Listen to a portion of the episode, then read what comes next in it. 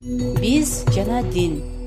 Саламатсыздарбы урматтуу угармандар. Сиздер азаттыктын биз жана дин түрмөгүнүн кезектеги чыгарылышын угуп жатасыздар. Бүгүнкү берүүбүздө кыргызстандагы белгилүү дин аалымы маркум алаудин мансур жөнүндө эскеребиз. Берүүнү мен канатбек мырзахалилов алып баруудамын. он үчүнчү октябрда белгилүү дин аалымы алаудин мансур алтымыш сегиз жашында дүйнөдөн кайтты. Рустамов алаудин бир миң тогуз жүз элүү экинчи жылдын биринчи майында ош облусунун кара суу шаарында туулган. Орто азиядагы таанымал ислам аалымдарынын бири катары ал алаудин мансур деген ат менен белгилүү болгон. Алаудин мансур кичинекей кезинен баштап дин жолунда жүрүп диний таалим тарбия диний билим алып чоң абройго жеткен. Ал өз доорунун атактуу аалымдарынан илим алган.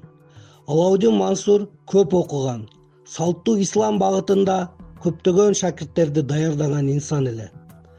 Советтер союзу ыдырагандан кийин алаудин мансур куранды эң алгачкылардан болуп кыргыз өзбек тилине которгон. бир миң тогуз жүз токсонунчу бир миң тогуз жүз токсон экинчи жылдары кара суу шаарында ыйык куранды изилдеп үйрөнүү боюнча борбор ачкан. Ошол жерде чоң китепкана түзүп курандын башка тилдерге которулган нускаларын чогулткан алаудин мансурдун жердеши коомдук жана саясий ишмер турсунбай бакир уулу маркумду төмөнкүчө эскерди. Раматылык алаудин мансур агабыз советский союздан баштап динди даават кылып анда билесиңер тыюу салуучу эле ошого карабай динди элге жеткизчү эле кыргызстан көз карандысыз болгондон баштап анын кутбалары атайын сүйлөгөндөрү оштогу телеканалдардан берилип элдер мечитине көп жолугуп кара суу шаарында ртсте анын мечити бар эл толуп толуп кетет эле ал жака анан андан тышкары биз өзүбүзчө мамилебиз бар эле. Ал диний аалымдардын байланышын бекемдөө үчүн же тигил же бул жардамды кыргызстандагы мусулмандар үчүн э, алуу үчүн эсибизде бар. Германияга мусулмандарга жолугуп келдик. Бельгияда францияда устаз менен бир канада жатып көп сүйлөшөт элек көп нерсени айтып берчү эле динден курандан хадистен өзүнүн өмүр баянынан бүт сөздөр эсимде.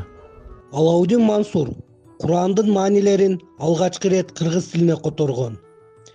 Кийин анын белгилүү өзбекчө котормосу казак түркмөн каракалпак жана уйгур тилдерине которулуп миңдеген нускада басылып чыккан. Курандын маанилерин өзбек тилинде чечмеленгени орто азия жана казакстан мусулмандарынын дин башкармалыгы өткөргөн тандоодо эң жакшы деп табылган. Бир миң тогуз жүз токсонунчу бир миң тогуз жүз токсон экинчи жылдарда ал которгон куран алгач шарк юлдузу журналында кийин гафур кулам жана чолпон басмаканаларында бир миллион нускада чыккан.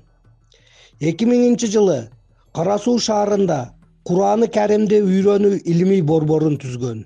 Маркум аалымды ош областынын казысы самидин кары атабаев мындайча эскерди. Шейх алауддин мансур бул киши э, кыргызстандагы эң көзгө көрүнгөн аалым. Бирок кыргызстандагы эмес орто азиядагы белгилүү аалымдарыбыздын жогорку терең илимдин ээси болгон аалымдарыбыздын бири.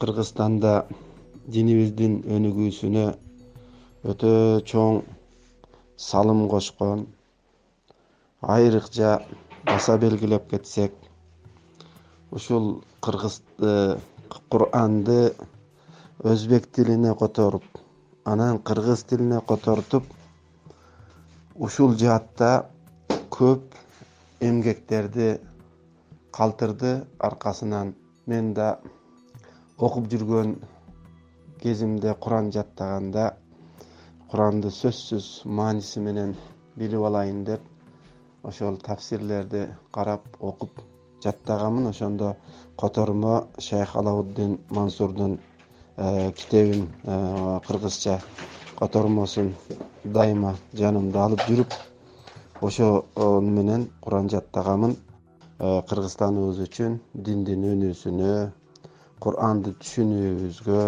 өтө чоң зор салымын кошуп кетти. Биз жана дин. Биз жана дин алаудин мансур саясаттан алыс болуп коомдук саясий жараяндарга такыр аралашпай чыныгы аалымдык даражасын көрсөтө алган. Өтө жупуну кичипейил бой көтөрбөгөн киши болгон. Турсунбай бакир уулунун айтуусунда жөнөкөйлүгүнө да мен таң калчу элем.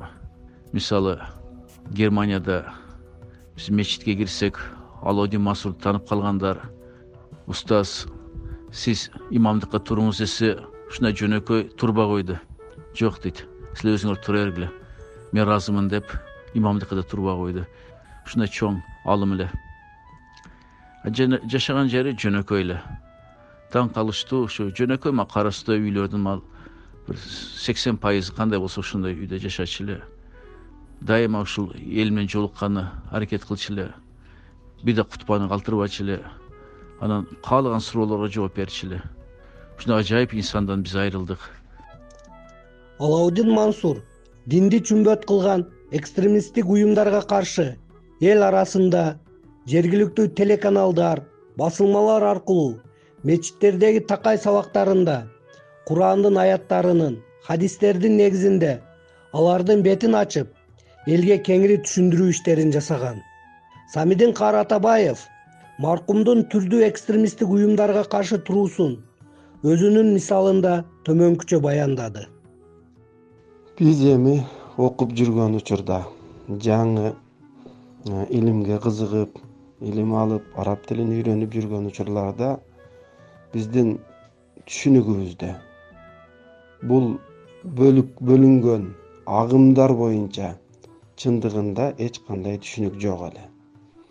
Анан ошол учурларда хизбут тахрир деген жамааттар кирип келип биз хизбутпуз динге чакырабыз деп шарияттан исламдан бирдекелерди айтып исламдан сүйлөп пайгамбарыбыздан сүйлөп э, башташканда биз эми чындыгында бир агымдар жөнүндө анча түшүнүк жок экен. Ушундай агым болот динди бузгандар болот деген оюмда да пикиримде дагы жок эле. Булар ким болду экен? Булар кандай болду экен? Деп ошондо э, шейх алауддин мансурдун э, тафсир э, жумада ар жумада ушу тафсирден сүйлөп кассетага жаздырып аткан учур эле. Ошондо биз ошол алауддин мансур дамланын сүйлөп жазган э, хизбуттар боюнча тафсирдагы маселелеринде кошуп сүйлөп кеткен сөздөрүн угуп мен ошондо абдан жакшы терең хизбуттар ким экендигин чындыгында ушул алауддин мансур дамланын сөзүнөн алауддин мансур дамланын берген илиминен мен ошолорду айырмалап билдим. Алардын туура эмес экендигин мына ушундай айрыкча агымдардын башка ар түрдүү ислам жөнүндө ислам динин сүйлөгөн агымдардын туура экендигин туура эмес экендигин дагы бизге өзүнүн илиминде билиминде э, көргөзүп э, кетти бул киши. Алаудин мансурдун башка аалымдардан айырмасы китеп жазуу китеп которуу аларды элге жеткирүү таратуу жаатында көп иштегенин белгилеген самидин кары атабаев анын бул багыттагы эмгегин төмөнкүчө эскерди. Бул кишинин мени таасирленткен өзүндөгү сыпаттарынын бири убакытка өтө бекем эле. Убакытка өтө так эле. Ошол себептен убакытка бек болгондугунан убакытты баалай билгендигинен деп ойлоймун. Аркасынан ошол илимин куран которуп куран жазып тафсир жазып мына азыркы күндө эң акыркы ушул өмүрүнүн акырына чейин мага да өз колу менен ушу берген курани азим тафсирин бул киши ушу тафсирлеп чыгып ушу он алтынчы он жетинчи он сегизинчи параларга жетип калдым. Ушуну бүтүрүп алайын самидин каарым э, кээде чогулушка же бир нерселерге чакырсаңыздар мен ушул тафсирди жазып бүтүрүп алайын деп ушудан гана кызганып барбай калам. Анан мени эч мындай неме ойлобогула менин көп чогулуштарга катышып көп мынандайларга аралашпаганымдын себептеринин бири ушул тафсирди бүтүп алайын ушуга убактымды жеткизип алайын деп көп убактымды ушу тафсирге берем. Ошол себептен көп жерлерге барып жолугушууларда боло албай калган себептердин бири ушул деп мага өзүнүн немеси менен э, сүйлөшүп отурганда ушундай айткан. Илимге өтө басым жасап көптөгөн э, китептерди которуп анын ичиндеги кайта кайта айтчу ушул куран тафсирине куран котормосуна куран илимине негизги басымын жасап элибизге чоң эмгек калтырып кетти. Алаудин мансурдун имам азам улуу имамыбыз аттуу чыгармасы жарык көргөн. Ал китеп кыргыз өзбек казак уйгур жана орус тилдеринде басылган. Имам азам мазхабындагы улуу аалымдардан болгон алаудин касанийдин он томдук бадеу саноэ китебинин даарат жана намаз китептерин араб тилинен которгон. Бул китептер ош жана ташкент шаарларында миңдеген нускада басылып чыккан бүгүнкү күндө аалымдын курани азим тафсиринин он жети тому жарык көргөн. Алаудин мансурдун сөбөгү эки миң жыйырманчы жылдын он төртүнчү октябрында өзбекстандын ташкент шаарында жерге берилген. Биз жана дин. Биз жана дин урматтуу угармандар сиздер азаттыктын биз жана дин түрмөгүнүн кезектеги чыгарылышын уктуңуздар. Берүүнү мен канатбек мырзахалилов алып бардым. Саламатта калыңыздар болот